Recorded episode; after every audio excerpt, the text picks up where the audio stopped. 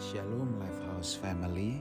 Saudaraku orang Kristen pasti tahu Rasul Paulus.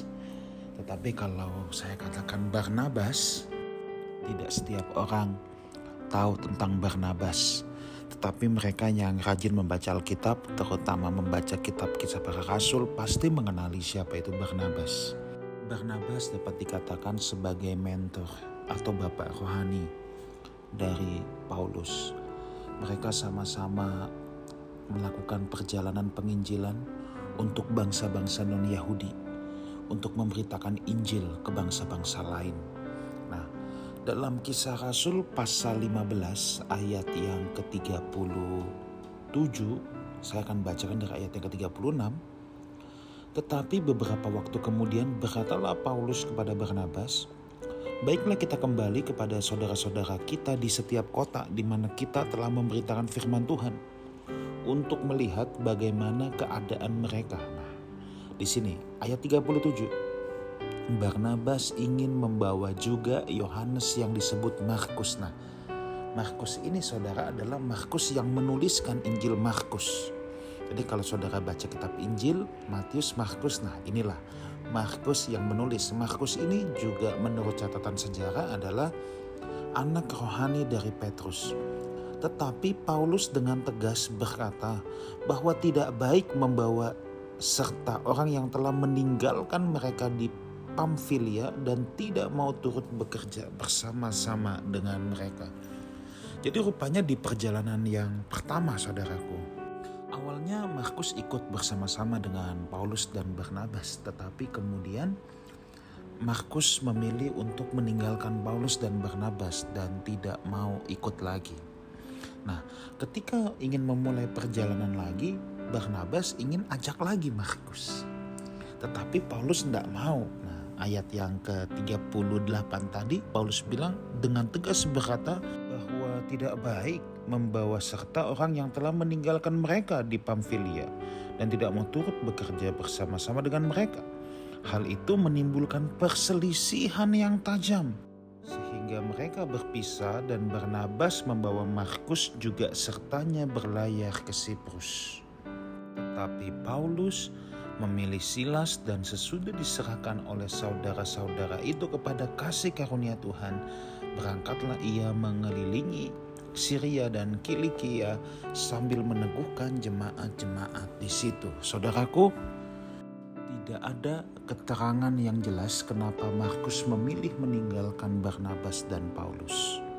Tetapi kemungkinan yang paling besar adalah Markus yang masih sangat Yahudi ya saat itu dia mungkin menolak untuk memberitakan Injil kepada orang-orang yang tidak bersunat atau orang-orang non-Yahudi. Yang menarik di sini adalah Paulus dan Barnabas yang merupakan rekan akhirnya berselisih dalam hal ini. Tetapi sejarah gereja dan Alkitab tidak pernah mengatakan bahwa Paulus dan Barnabas musuhan. Memang tidak ada akhir kisahnya bagaimana dituliskan, tetapi yang jelas pada akhirnya di masa tua Paulus, Paulus justru menerima Markus dan berkata bahwa dia orang yang sangat penting dalam pelayanan. Saudaraku di sini yang saya mau ajak kita semua melihat adalah perbedaan karunia, ya, perbedaan panggilan. Barnabas panggilannya kuat dalam hal ini penggembalaan, memberikan kesempatan kepada orang yang berbuat salah. Sedangkan Paulus mungkin panggilannya lebih kuat dalam hal ini kepada penginjilan. Ya sehingga Paulus tidak bisa menerima Markus yang berbuat kesalahan fatal. Apa yang saya mau garis bawahi di sini? Perbedaan panggilan pelayanan juga bisa dipakai Tuhan untuk memperluas kerajaan Allah. Dengan demikian Paulus pergi ke mana, Barnabas pergi ke mana, dan Injil kerajaan disebarluaskan makin luar biasa. Tidak ada catatan bahwa Barnabas dan Paulus saling menjelekkan. Nah, di sini yang kita harus belajar adalah kita harus bisa menerima perbedaan. Apa yang menurut kita salah, belum tentu itu salah, saudara. Apa yang menurut kita nggak pas, belum tentu itu nggak pas di mata Tuhan. Bahkan Tuhan bisa membawa atau membuat hal-hal seperti itu, hal-hal yang kondisi tidak enak untuk memperluas pekerjaan pelayanannya. Yang kedua, kita melihat bagaimana Barnabas berbesar hati melihat anak didiknya Paulus bisa melayani. Wah, itu luar biasa saudara. Seringkali ada banyak orang tidak suka kalau melihat orang lain maju. Seringkali ada banyak orang tidak suka kalau melihat orang lain lebih maju apalagi daripada dirinya.